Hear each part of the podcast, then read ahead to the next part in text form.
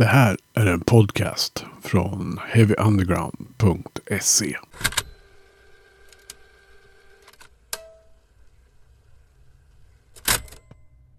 Då är ni välkomna till eh, Heavy Undergrounds podcast som eh, den här gången ska handla om skivbolaget Eric Records. Och jag heter Magnus Tannegren och med mig som, eh, ska vi säga, ondskefull tvilling, Svempa Alveving.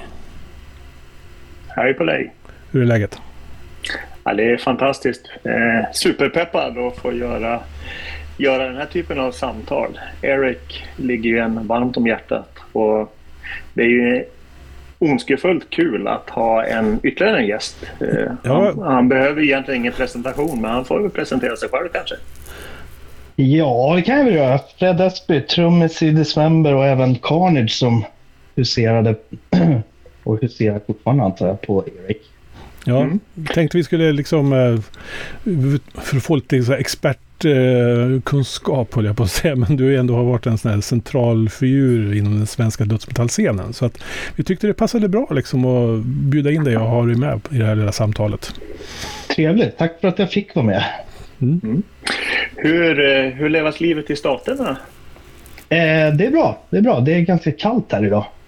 Eh, under noll grader, så det är, det är man inte van vid här borta.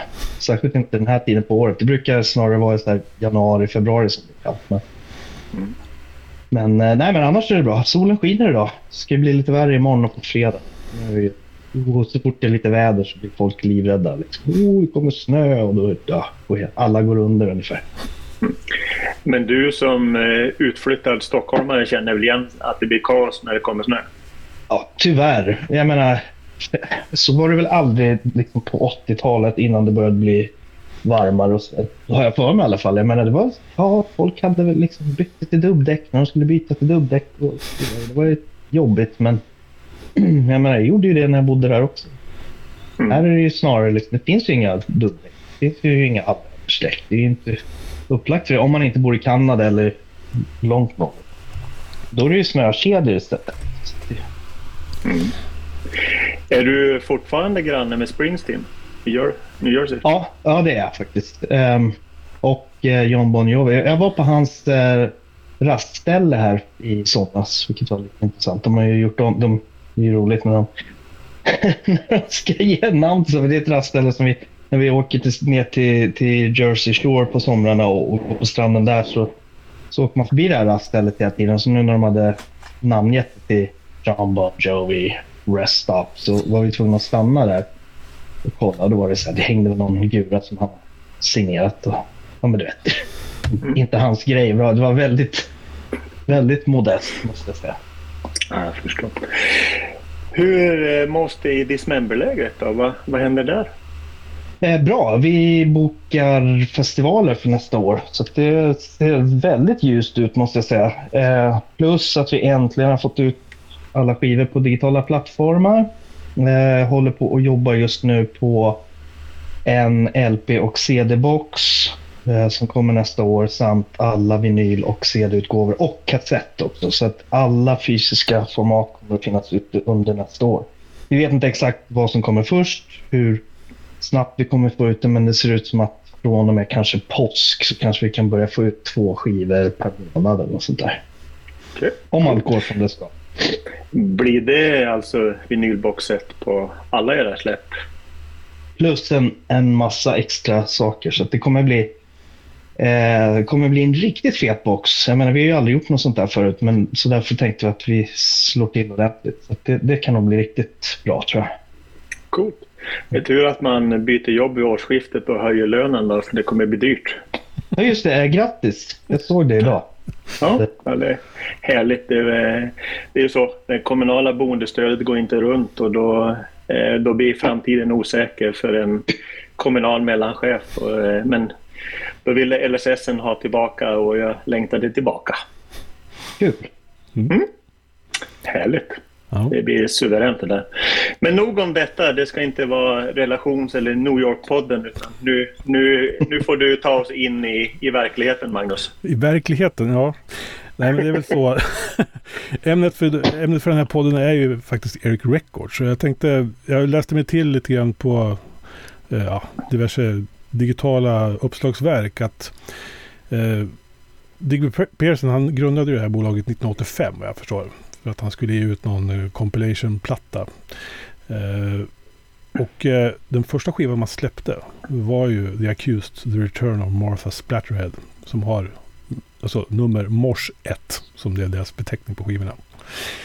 Uh, och den, Eric har ju haft liksom en sån här, för, i alla fall för mig personligen, så det var ju på den tiden någon sorts kvalitetsstämpel mellan de här åren som vi ska prata. Vi har ju, jag har ju avgränsat det här till 86 till 92 för att deras katalog under den här tiden är ju extremt mm. frän på något sätt.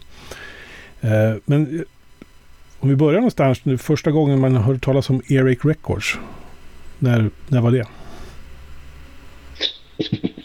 Uh, det ja, jag, vet, jag vet att för min del så när det verkligen sådär var... Jag, jag kommer inte ihåg om, jag, om det fanns några andra skivor innan men jag tror inte Jag tror att det måste ha varit Skam med Napalm Death som var den skivan som var sådär... Har, oh, har, du, har du hört den? Det här är helt sjukt snabbt och det är så jäkla coolt och korta låtar och hit och dit. Och sen kom ju liksom Unseen Terror och ja, alla de där skivorna ganska tätt på som jag kommer ihåg. Jag kan ha fel. Men, eh, och, eh, jag vet inte, det blev ganska snabbt tydligt att här, det här var det bolaget som alla ville ligga på.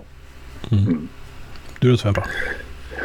Nej, men jag tror tråkigt nog så, så är väl Skam den som... För den jag var hemma hos en kompis som hade ett, ett punkband och de spelade någon sån här intensiv hardcore-punk eh, och så spelade han in en sån här blank kassett och så hörde jag någonting som jag tänkte så här, vad i helvete är detta? Jag har aldrig hört talas om det. Det var, det var ju superextremt för den tiden. Eh, så, så det var nog skam tyvärr. Som, eh, eller tyvärr, jag är glad att den, att den kom in men jag vet inte om jag tyckte att den var så jävla briljant som jag tycker idag då, utan då kanske det var mer grupptryck, grupptrycksbra för att alla liksom pratade om den. Men, mm. men nu håller den enormt högt. Ja, jag hörde också, det var också Skam som var första kontakten sådär om man ska prata om Erik. Men den cirkulerade på något kassettband i Kolbäck med, som uh, Misfits Walker Magnet var på sidan A och så var det Skam på sidan B. Uh, och det var ju liksom bland det mest extrema man kunde ha. Den var nästan så att den liksom byttes i kopior i, i smyg för att det var så jävla hårt. Om man jämför med annat som fanns 87 liksom. Mm. Uh, men just Skam, det var ju deras tredje släpp. Mors 3 tror jag den har som nummer. Uh, den blev dessutom sjua på BBCs Indie Chart. Just det. När John Peel upptäckte den och spelade den på sin radioshow på BBC. Mm. Ja. Men du menar alltså att det fanns en alternativ tape trading-scen i Kolbäck mot den i Stockholm då? ja, den var oerhört intern och lokal. var, var du någon del av tape trading-scenen, Fred? Ja, det var jag. Jag var ganska dålig på tape trading. Men Eh, jag kommer inte ihåg riktigt varför, men först så gick jag väl i gymnasiet. Sen när jag hoppade av så jobbade jag och repade. Det var väl det jag hann, liksom så skriva musik, repa, eh, jobba heltid. Eh, hann inte så mycket mer tycker jag. Eh, men man försökte ju ändå. Liksom. Men det var väl det att de som var bättre som Nicke Andersson och, och Johan i, i Treblinka Tiamat och alla andra jag hängde med, John Hedlund och de, de var de var bättre på att hålla det där igång också. Så att jag, eh, det är mer att... Jag, jag menar, det är klart jag, jag tape-tradar och jag känner folk fortfarande från den tiden. Liksom, men, som de Involation, Incantation, som då var Revenant och så vidare. Men eh, det, ah, jag, jag blev väl... Jag menar, varje helg så träffades vi allihopa eh, av de som var som hade tid och lust. Liksom, och, eh, så hängde vi inne på T-centralen, möttes där, sen drog vi på någon fest. Och den som hade nya demos med sig, då, vi var alltid tvungna att ha en bandspelare med oss så att man kunde spela demos. Eh, så man, man tog sig till någon hemmafest och man visste att någon förälder inte var hemma. Och sen satte man sig i köket bara. Det spelade ingen roll. Var, var det några tjejer så var det, vi var inte intresserade av det. Vi satt oss i köket och spelade demokassetter. Coolt. Ja, det var coolt. Men eh, så det, ja, jag vet inte. Jag var, jag var med. Jo, jag tape-tradade men jag var ingen... Jag var inte någon av de större aktörerna från Stockholm. Det kan jag inte säga. Mm. Nej. Men eh, Earache Records, alltså du Fred som liksom ändå var en del av eh, dödsmetallgänget där. Eh, Ja, hur snackades det om, om Earache bland svenska band? Sådär? Ja, ja absolut. För det var ju också såna här grejer som att på den tiden innan Erik hade pengarna att göra reklam i till exempel Kerrang och sådär och innan de ens fick göra det. För Kerrang brydde sig inte om det här innan 1989 kan jag inte tänka mig vad jag kommer ihåg i alla fall. Men då, vad alla gjorde som var ganska billigt att göra det var ju Xerox-kopior. Man gjorde flyers. Liksom. Så att Erik, jag vet att de, ryckade, de skickade ju flyers också. Och de var ju, alltså skivbolagen var ju också på något sätt del av tape trading-scenen. Så att även Nuclear Blast och Peaceville, de bolagen var ju också med. Och där kom det ju ibland, menar, om ett, om ett band hade signat med, med ett skivbolag som till exempel Erik, ja, men då antingen bandet eller skivbolaget, det kom ju en flyer på något sätt med någon sorts artwork som någon polare eller någon som hade gjort gratis artwork. Liksom, och skickat och sen Xerox-kopior. Och ibland så fick man ju liksom kopiera av det av andra om man inte själv fick. Det var ju dåtidens gerilla-reklam och marknadsföring, antar jag. Ja. Vad, vad, vad tror ni gjorde att det ändå fäste eh, och inte blev en dagslända? För jag menar, det är ju inte en dagslända. Eh, det finns ju band av idag som försöker återskapa det som var då. Var det inte bara en andra, kanske inte ens andra, utan tredje, eller fjärde eller femte våg av liksom gör det själv. Upp underground, liksom att ja, okej, punken lite över. Va? Eh, hårdrock var lite kommersiellt. Eh, Hardcore-scenen fortfarande ganska vital. Sen så kommer det helt plötsligt då när thrash metalen liksom hamnar på större bolag som Island och sådär med Anthrax och sådär. Då blev det ju nästan lite som att, ja men Slayer. Sen ligger de helt plötsligt på, på Def då, och Geffen. Och, jag menar, då blir det, ju näst, det blir nästan som någon sorts motrörelse där. Att jaha, men vi gör egna demos och vilka andra band gör egna demos? Och ja, här finns det ett nytt litet skivbolag som heter Combat. Eller, och sen kommer Eric. liksom. Och man märker att det är underground för det är så jäkla hård musik. Mm. Plus att, att, att det är liksom på import i början och så vidare. Det finns ingen distribution. Det är svårt att få tag på. Det, ju, det blir lite som en tävling bland, bland unga människor som vill liksom inte bara samla men också på något sätt man har ett eget intresse med några få kompisar. Liksom. Det blir som en egen liten klubb. Mm. Jag tror att det var, det var en viktig del av det hela. Att eh, det fanns något obskyrt som ingen annan visste om och alla töntar som sprang omkring och liksom fortfarande var kvar i 80-talet liksom med både vad det gällde pop och liksom, som vi tyckte var kanske speed och thrash metal som liksom blev för kommersiellt och sådär. Då, här kom det något nytt vitalt som inte hade liksom miljarder och försökte tjäna pengar utan som också skivbolagen de tjänade inte så mycket pengar. Det förstod man ju. Man var ju inte dum. Liksom. Man fattade ju att de här människorna gör ju det här på sin fritid. Och liksom, det är ju bara, det är ju bara att kolla alla de här snubbarna som, som jag menar, de inte fan hade de råd och med, med stora kontor. De gjorde det här från källan hemma från, från sina föräldrar, precis som vi gjorde med våra låtar som vi spelade in. Liksom, och man sparade ihop för att spela in en demo. Det gjorde ju de också. De sparade väl ihop pengar för att kunna släppa skiva med andra band. De var inte musiker, men de ville att musiken skulle finnas. Mm. Det känns ju som att Erik var ju ganska djupt rotad i den här engelska hardcore och punk-traditionen liksom som fanns på den tiden. Eh, väldigt mycket do it yourself över det hela i början. Exakt. Och, och det, jag menar, det var ju det som gjorde också att då visste man att man hade en chans. Jag menar, skulle man ha börjat skicka demos till liksom större skivbolag, de hade ju bara skrattat och slängt i papperskorgen. Det visste man ju. Jag menar, vi fick ju inte ens spelar man med, skulle man någon gång, för jag vet, vi pratade om E-Type tidigare. Eh, han var ju med i ett band som hette Meninja Blade ett tag. Eh, och de spelade någonstans, jag kommer inte ihåg vart någonstans det var, men det var ute i, i förorterna någonstans och de hade ett gig och då fick liksom, ja, de var schyssta nog att låta oss yngre förmågor, då, jag kommer inte ihåg exakt vilka, om det var Dismember och Niles kanske, eller jag, jag kommer inte ihåg exakt vilka som spelade, men de behandlade ju oss lite som att, ah, men de här snorungarna, men okej, ni får väl spela då liksom. För ni får, ja men vi var för unga, vi fick inte spela någonstans.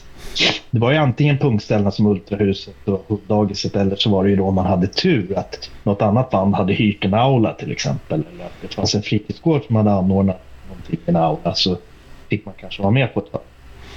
Men man insåg att de här banden har ju, de är äldre, de vet mer, de är mer erfarna men de är också lite så här självgoda på något sätt. Och det var ju samma med, med de skivbolagen som man visste att de större banden låg på. Det var ingen som skulle lyssna på våra demos. Liksom. Men, men, men när det då kommer ett bolag som Erik som ger ut sån musik som vi faktiskt försöker spela, då inser man ju att ja, de vill, måste ju vilja ha fler band. Jag, jag, jag bara undrar liksom, jag skulle ju vilja veta hur många demos om vi säger, vad sa vi nu? Vilket år? 89 till 92? Var det det vi sa? 86 till 92. 86 till 92. Man skulle vilja veta hur många demos Erik fick in under den perioden. Mm. Mm. Det lär väl ha varit ett ganska stort antal antar jag. det måste ju vara helt bisarrt mycket det. Ja. ja, verkligen.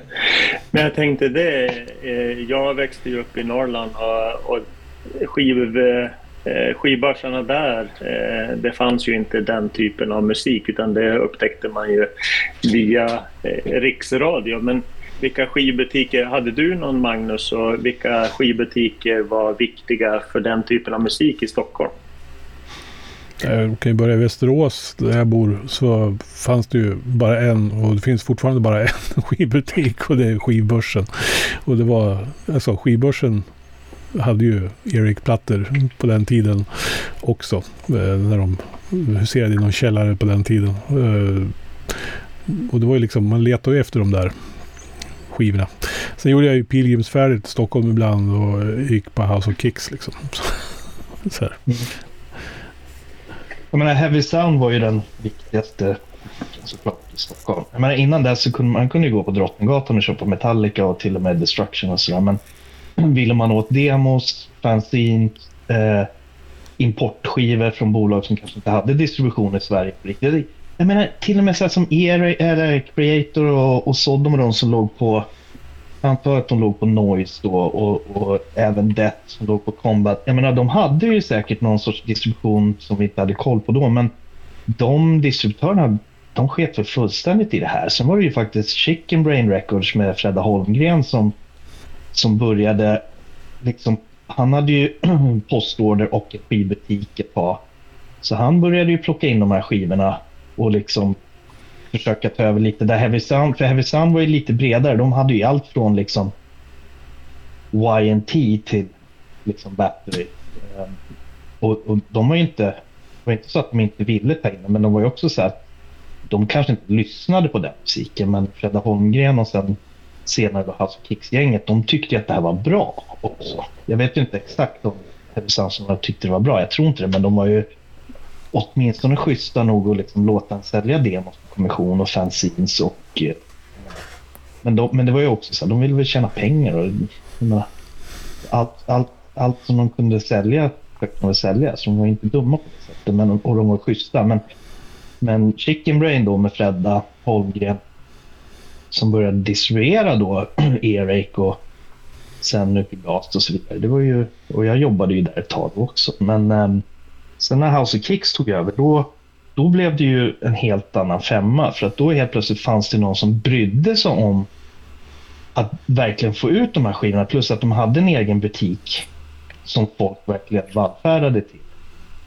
Jag menar, det var ju en, det ändrade ju ganska mycket. Plus att Kalle von Scheven var ju en person som pushade liksom för media och som, han var inte rädd för att liksom lära känna folk som man själv aldrig skulle säga, men varför ska jag prata med någon på TV4 och så vidare. Han ringde ju bara helt skamlöst och bara, men det här bandet, ni fattar ju inte, alltså ungdomarna i Sverige och speciellt i Stockholm och Göteborg och så vidare här nu, de här tycker de är svinfett. Det här är en ny grej, ni har ingen koll liksom. Men, men jag kan berätta för er hur det ligger till. Och öppna ögonen på folk liksom. Och det var ju, var ju ett stort steg. Liksom. Det är jäkligt coolt att de, de gjorde det. Utan dem så hade det inte blivit som det blev. Sen kan man ju prata om att det bli lite fånigt när sådana som oss skulle liksom vara med på Café Opera eller baka julgodis i Express och sånt där. Det blir, det blir lite lätt sådär. Allt blir TV4 av allting helt plötsligt. Men, men det har ju hållit i sig med det. Jag menar, de har fortfarande sin butik, de är fortfarande distributörer och de har gjort det här jävligt länge nu och det, det är coolt. Och de var ju faktiskt, för er, de var ju Earaches utan Fredda Holmgren och House of Kicks så hade ju inte Earache gått så bra som de gjorde i Sverige. Och jag tror att det var många andra länder som måste ha tagit efter också. För jag tror inte de hade så stort fäste i resten av Europa om man ska vara ärlig. Nej, jag tänkte på det. Alltså vad Erik... Vi kom in, lite på det. Vad Erik betydde för den svenska underground-scenen på den tiden. Alltså det, det, känns ju eftersom då de fick en kanal in via House of Kicks och sådär. Så, ja. För jag kan bara se till mig själv och mina kompisar på den som spelar i band runt 89-90 liksom. Det var ju liksom bara Erik-plattor som gällde liksom. Mm. Som ljudideal på något sätt. Ja, ja, precis. Och sen får man inte, ska man inte glömma bort att en Tons första skiva, att de fick, att de fick alltså kontrakt på Erik, det var ju också stort för hela Sverige. Utan det så hade kanske inte House of Kicks haft lika stort eh, inflytande och hjälp till att få Erik på kartan heller, tror jag. För jag menar, det var ju lättare då när det var ett band från Stockholm som, som liksom hängde i stan och som var tillgängliga och som helt plötsligt ska släppa en skiva. Då har man ju liksom ett samarbete. Liksom, att vi är en distributör här. Jaha.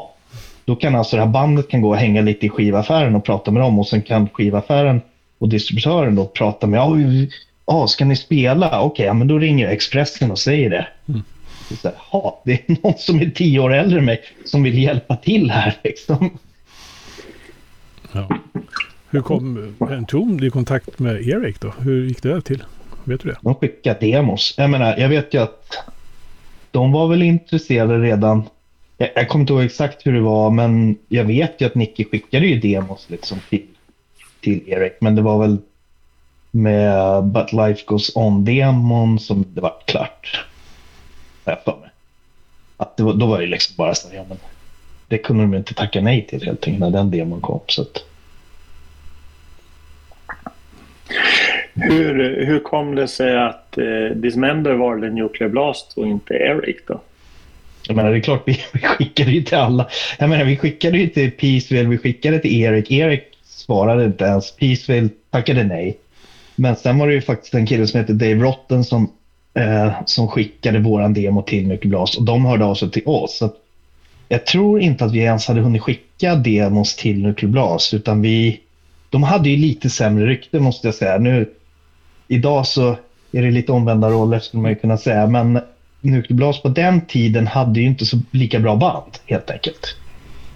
De, hade, de började lite senare, de hade inte riktigt samma scen för de började i Tyskland Eh, Erik började i England. Det fanns band som Napalm Death, Carcass, Electro Hippies. Eh, alla de här banden som var extrema i England verkade lite mer koncentrerat. I Tyskland så var hardcore-delen lite mer fortfarande där och de hade väl inte riktigt lika mycket band. Men de större thrashbanden som Sodom och Creator och så vidare, de låg på större bolag. Sen var det ett litet glapp där kändes det som. Eh, av någon anledning och det vet jag inte riktigt varför. Men det, det, det, det var nästan lite så att thrashband som var bra, det var... Det, eller tyska band som var bra, det var heavy metal och thrash. Men death metal och grindcore och sånt som var bra, det var England eller USA. Och sen senare Sverige. Så det var, det var lite märkligt, men det var... Det var väl lite så det var. Jag tror Nyckelblas hade inte alls samma status, utan det var mer så här, ha, men Nyckelblas, de, var nästan lite så här de var lite töntiga jämförelsevis. Mm. Mm. Där ser man. Men så går det när man nyper Napalm Death, Carcass, Morbid Angel. Då har man en ganska bra startgrupp där. Ja, jag tänkte på det. Jag tittade på deras, eh, alltså på releaselistan så att säga. Från Eriks första 25 släpp eh, som de gjorde. Mellan 86 och 89 eller något sånt där. 90. Mm. Jag menar, du hittar ju alla de där banden du precis sa. Det är ju Bolt Thrower, det är Morbid Angel, det är en Tomb Terrorizer, Carcass. Alltså, det är bara liksom... Det är ju idag bara självklara klassiker liksom, på något sätt. Ja.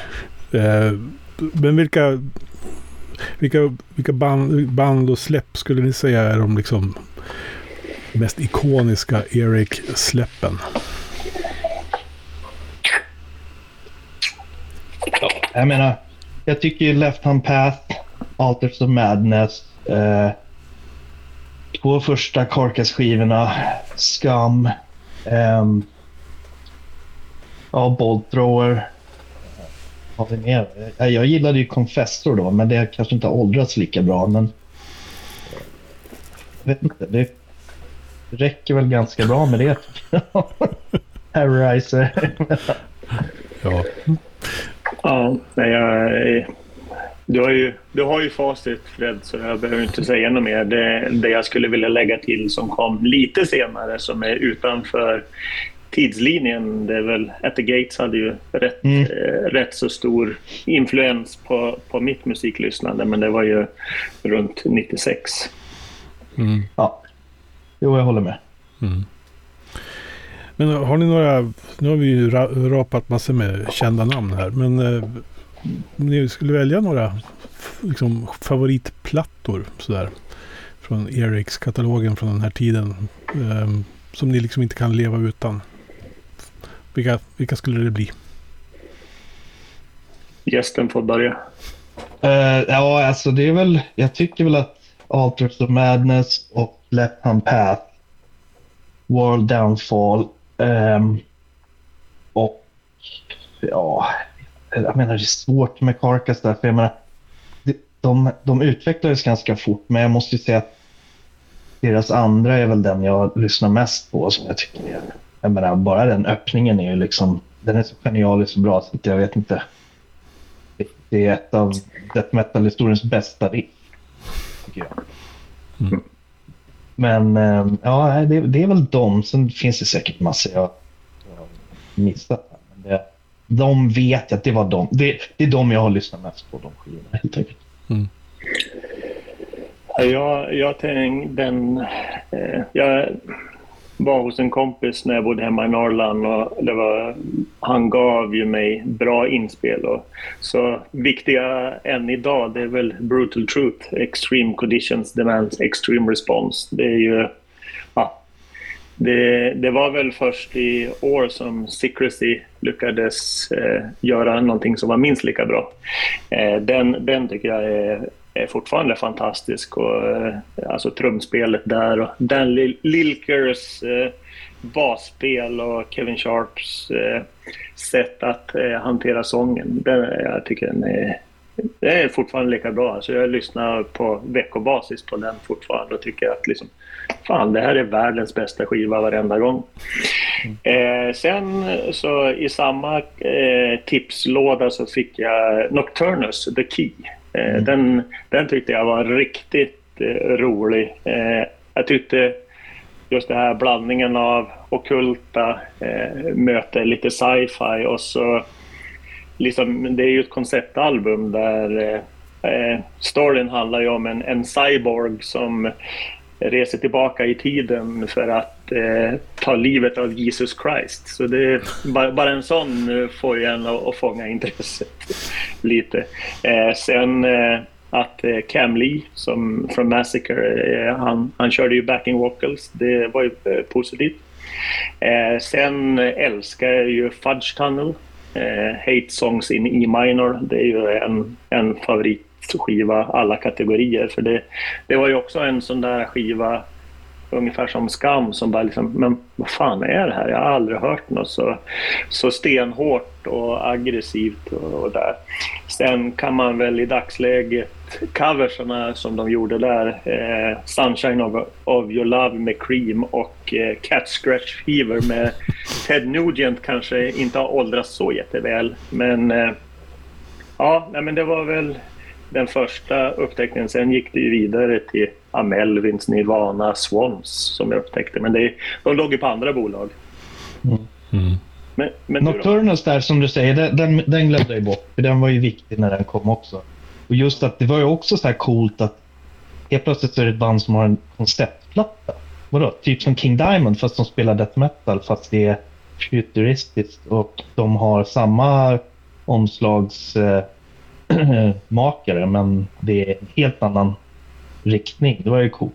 Jag vet att de hade, det var ju också ganska coolt faktiskt när de här eh, um, samlingskassetterna. Eh, vad hette de nu då?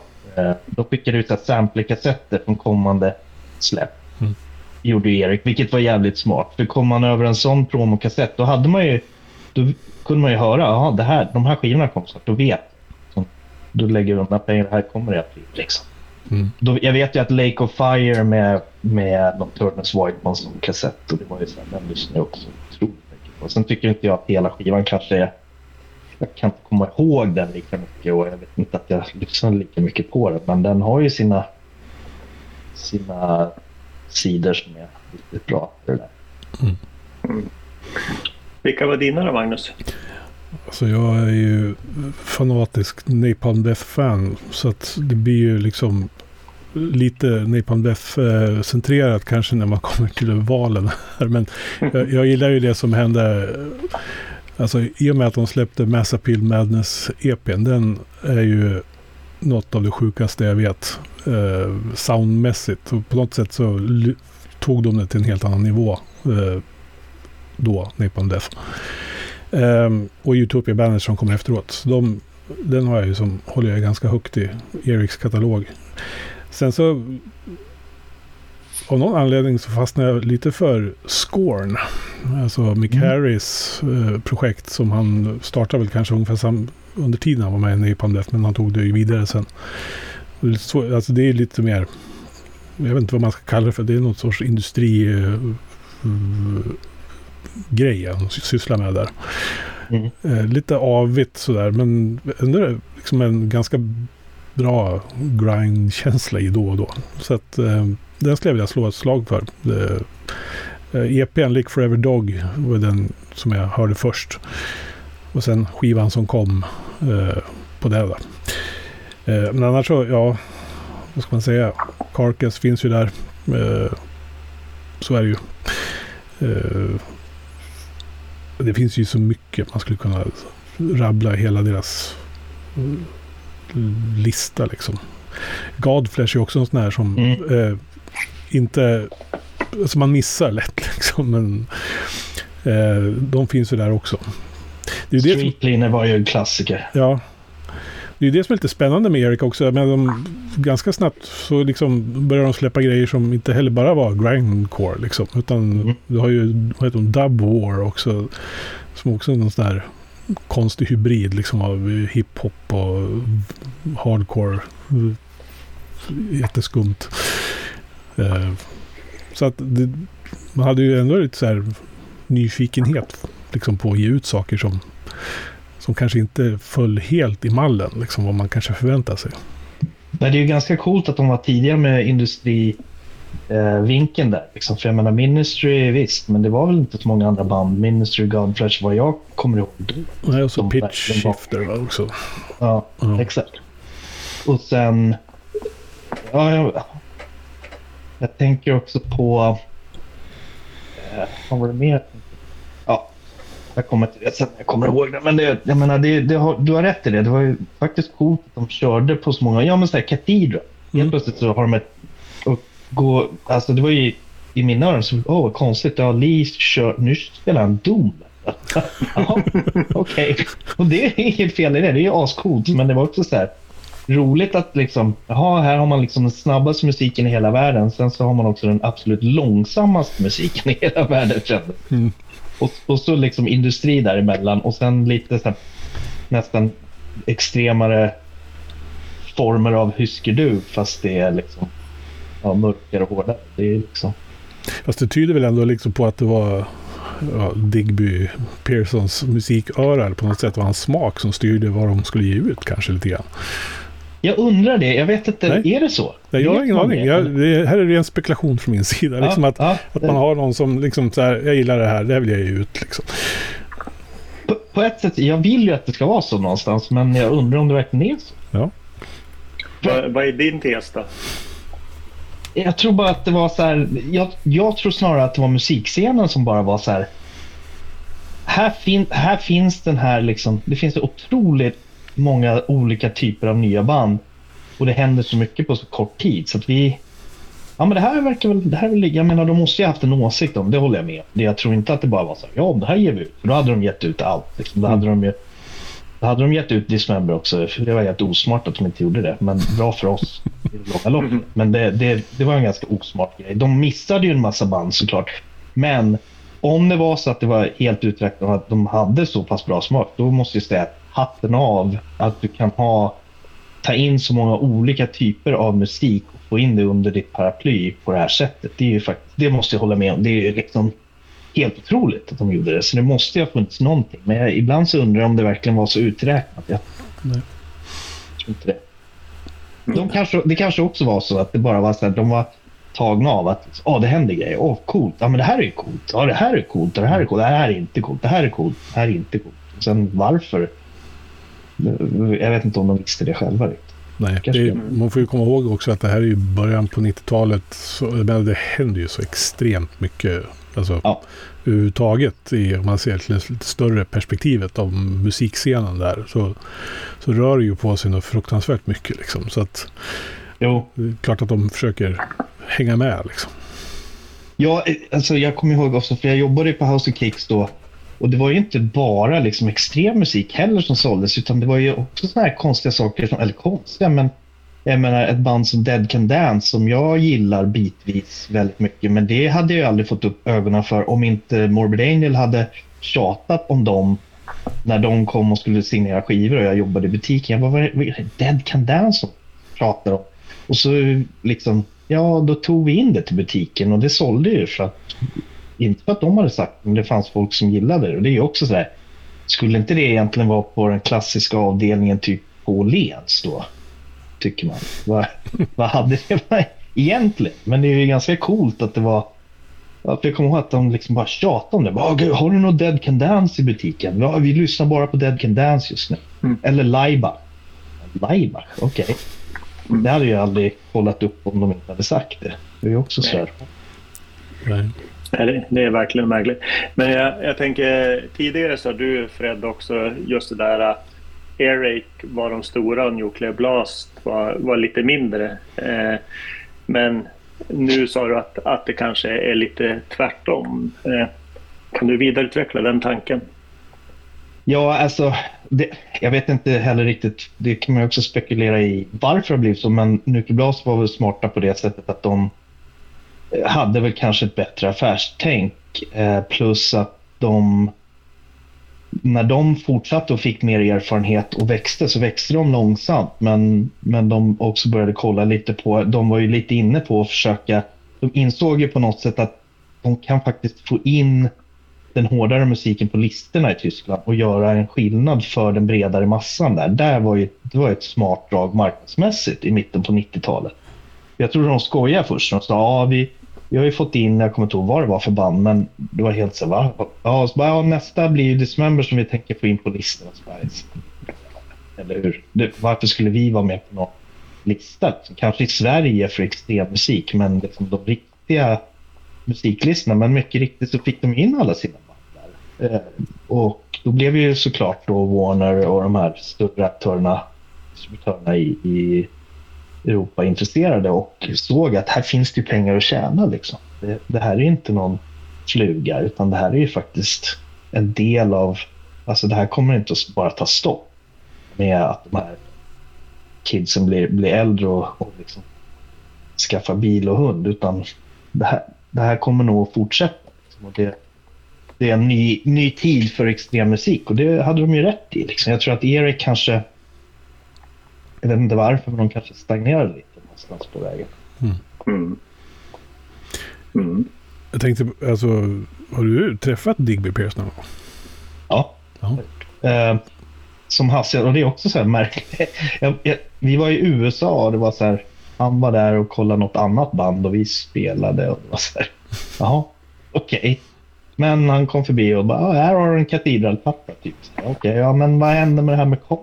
Så här, ja. Sen har jag ju mejlat med honom då och då genom åren för att jag försöker styra upp det här med att vi har ju aldrig sett ett öre liksom, i royalties för Carnage och så vidare. Så att, som så, så, många andra band på det här bolaget. Det är också tror jag en del av att det kanske inte har gått så bra hela vägen. För att de har ju väldigt dåligt rykte tyvärr idag. Ja. Eh, och det ska de ha. Det ska de ha. Mm. Oavsett vad de gjorde förr så man, man, man sköter inte sina affärer på det sättet de har gjort och man behandlar inte artisterna som gjorde de stora och som gjorde att de tjänade mycket pengar på det viset. Det gör man inte. Nej, det känns ju som de slarvade bort då, liksom, mm. det hela. Liksom mm. sitt, sitt rykte, sitt goda rykte från början liksom. Ja, absolut. Mm. Jag menar... Och, och, och, de börjar ju också släppa, de släppte den där liveskivan med Eric utan en tom, eller vad säger jag, en tom såklart, eh, utan deras tillåtelse eh, och höll på att fulas. sig. det, det vad jag minns ifrån. Och man, man kan ju säga vad man vill, de behandlade ju inte artisterna bra men de hade nog en jävligt bra juridisk avdelning som gjorde dem extremt rik. Men, men Eh, en sur eftersmak lämnar det ju såklart. Ja, tyvärr. Alltså för att jag, jag tror att hade de varit lite som, som Nyckelblas på det sättet, är smartare och har jobbat. Jag menar, Eric i början, jag menar, visst, de såg ju till att deras band kom ut och, och de anordnade turnéer och så vidare. Men det gjorde ju alla bolag, det var de tvungna att göra. För att live var ju lika viktigt som att annars, utan eh, framträdanden så sålde man inte skivor. Det var ju inte förrän black metalen kom som det gick att motbevisa den tesen. Men det var ju fortfarande det tänket. Så alla de bolagen var ju ändå så de lånade ut pengar men det var ju inget som inte banden betalade tillbaka med råge. Så det var ju, inga band tjänade väl några pengar på sina sålda skivor. Men, men de gjorde De tjänade ju pengar på det. Så enkelt är det. det och det, fine den modellen är väl lite som den är, men det kanske man inte kan komma ifrån. Men att man sen då skjuter sig själv i foten genom att inte se till att ta hand om sina artister när artisterna faktiskt har sett till att man har fått bra framgång själv. Det är där, där klämmer skon för mig. Det tycker jag att då, då förlorar man till slut. Mm. Mm. Ja, men det är såklart. Men hur, hur var liksom promotion för exempelvis Carnage? Då? Fanns det någon promotion? Nej, men det, men det är förståeligt också för att jag menar vi hade ju vi hade ett kontrakt med Necrosis som egentligen var underbolag då till Erik. Det var ju egentligen inte Erik-etiketten från början. Nu är det ju det. Men eh, jag menar Michael lämnade och började med Carcass. Vi startade Dismember istället. Vi kunde ju inte fortsätta utan honom. Det var ju han som startade det bandet så det gick ju inte. Så då var det ju helt oväsentligt egentligen. Och skivan kom ju ut i november 1990 men spelades in i februari 1990. Så det tog ju en jäkla tid att få klart den och få ut den och så vidare. Så det var ju ingen, det var ingen större prioritering direkt från deras sida. Men, men jag tror att de underskattade väl den skivan lite grann. Skulle jag tro. Inte för att jag själv spelar på den. Jag tycker väl inte att den är så fenomenal sådär. Men eh, jag tror att just då, där och då, så hade de kunnat göra mer av det Även fast, ja, men hade de gett ut den lite snabbare så kanske det hade sett lite annorlunda ut just för den releasen. Men det, det är väl skitsamma egentligen. Eh, men det, nej, den var inte så högprioriterad. Men de hade väl andra större band att, att lägga i på. Så det kan jag förstå. Mm. mm. Ja, det finns mycket att säga om Eric Records. Jag tänker om vi skulle avsluta lite grann och eh, fundera på om man nu ville eh, om man, vill, om man skulle vilja presentera Eric för någon som aldrig har hört någonting från Eric. Vad, vilken, vilken skiva ska man lyssna på? Om ni får ge liksom en, en platta för att introducera folk till vad Erik stod för. Mm. Oh, oj, fan, den, var, den var svår för att... Men, det är svårt att inte säga ett band som Bolt som hade liksom coola omslag, jävligt cool musik och som aldrig har ändrat. De har inte gått, liksom tagit ett enda snedsteg under hela sin karriär. Det är bara som en jävla maskin. Det är ju death metalens Motorhead. Liksom. Det är ju jäkligt coolt att ha ett sånt band. Mm. Eh, och jag har aldrig hört någon som tycker att Bolt Thrower är värdelöst. Sådär. Även om inte jag kanske lyssnar på dem varje dag. Så det, sen tycker jag väl att, jag vet, jag vet inte om jag kan, men det, det är svårt. Jag, vet, jag vet bara vad, vad Alters of Madness med Morbid Angel betydde. Det, jag tror att det var ändå snäppet som liksom riktigt satte dem på, på någon sorts pedestal i underground-scenen. Mm. Ja, nej men alltså man kan inte kasta Left and Path under... Den är ju också, precis som dina eh, förslag Fred, eh, den är ju liksom en milstolpe och, och precis som Like an Everflowing Stream med Dismember är ju liksom, det är ju, är ju bibeln eh, när det gäller bra dödsmetall från Sverige. Men sen, eh, sen när, när de skärpte till sig, vi fick eh, en nummer två skivbutik i Norrland och han, han öppnade ju upp för typ eh, de låg ju på Nuclear Blast, Hypocrisy, men At the Gates, eh, jag, jag kom väl in på Morbid Angel lite sent, för det var via Domination som jag liksom bara föll som en fura. Eh, Terrorizer var ju också en sån där eh, helt, där, vad, vad är det här? Förutom då nämnda Carcass eh, Napalm Death. Men eh, om, om man ska slå ett slag för en, en skiva som är inte är ganska jättetypisk eh, så är det väl det Cult of Luna släppte de släppte ju på Airrake ett tag. Eh, det, det fick ju mig in ganska hårt på post-sludge-grejen också, eh, som mm. ligger mig varmt om hjärtat. Men Haunted, första skivan, mm. tillhör ju den mossiga generationen som håller Team Dolving högre än Marco Aro, men det är ju en smaksak. Och så för den som jag nämnde tidigare såklart, Brutal Truth. Den det blir inte bättre än så. Och eh, av det senare, jag tycker Insect Warfare släppte ju 2009, eh, World Ex Extermination. Och, och sen har vi Wormrot som kommer från Singapore som är riktigt bra sväng i grind också. Mm. Det är väl de jag tänker på som tänker, ja, börja där så, så är man såld sen. Sen, sen älskar jag Dub War också faktiskt. Mm. Ja. Hörrni, det har varit uh, jättekul att prata Eric Records med er. Uh, jag får tacka dig, Fred Estby, så jättemycket för att du var med här i podden och snackade om det här. Uh, ro, ro, roliga detaljer som jag liksom inte har tänkt på förut som du kom med. jag hoppas att jag tillförde något. Jag menar, det, är, det är knepigt. Det är ju ett tag sedan, men det är också det där. När man sitter och pratar om det så, så öppnas det lite luckor här, här och där. Ja. Ja, men det finns alla anledningar att lyssna på plattor från Eric Records ändå. Eh, från den här tiden tycker jag i alla fall. Eh, med det sagt så tack för att ni var med i podden. Tack, tack själv. Du har lyssnat på en podcast från heavyunderground.se.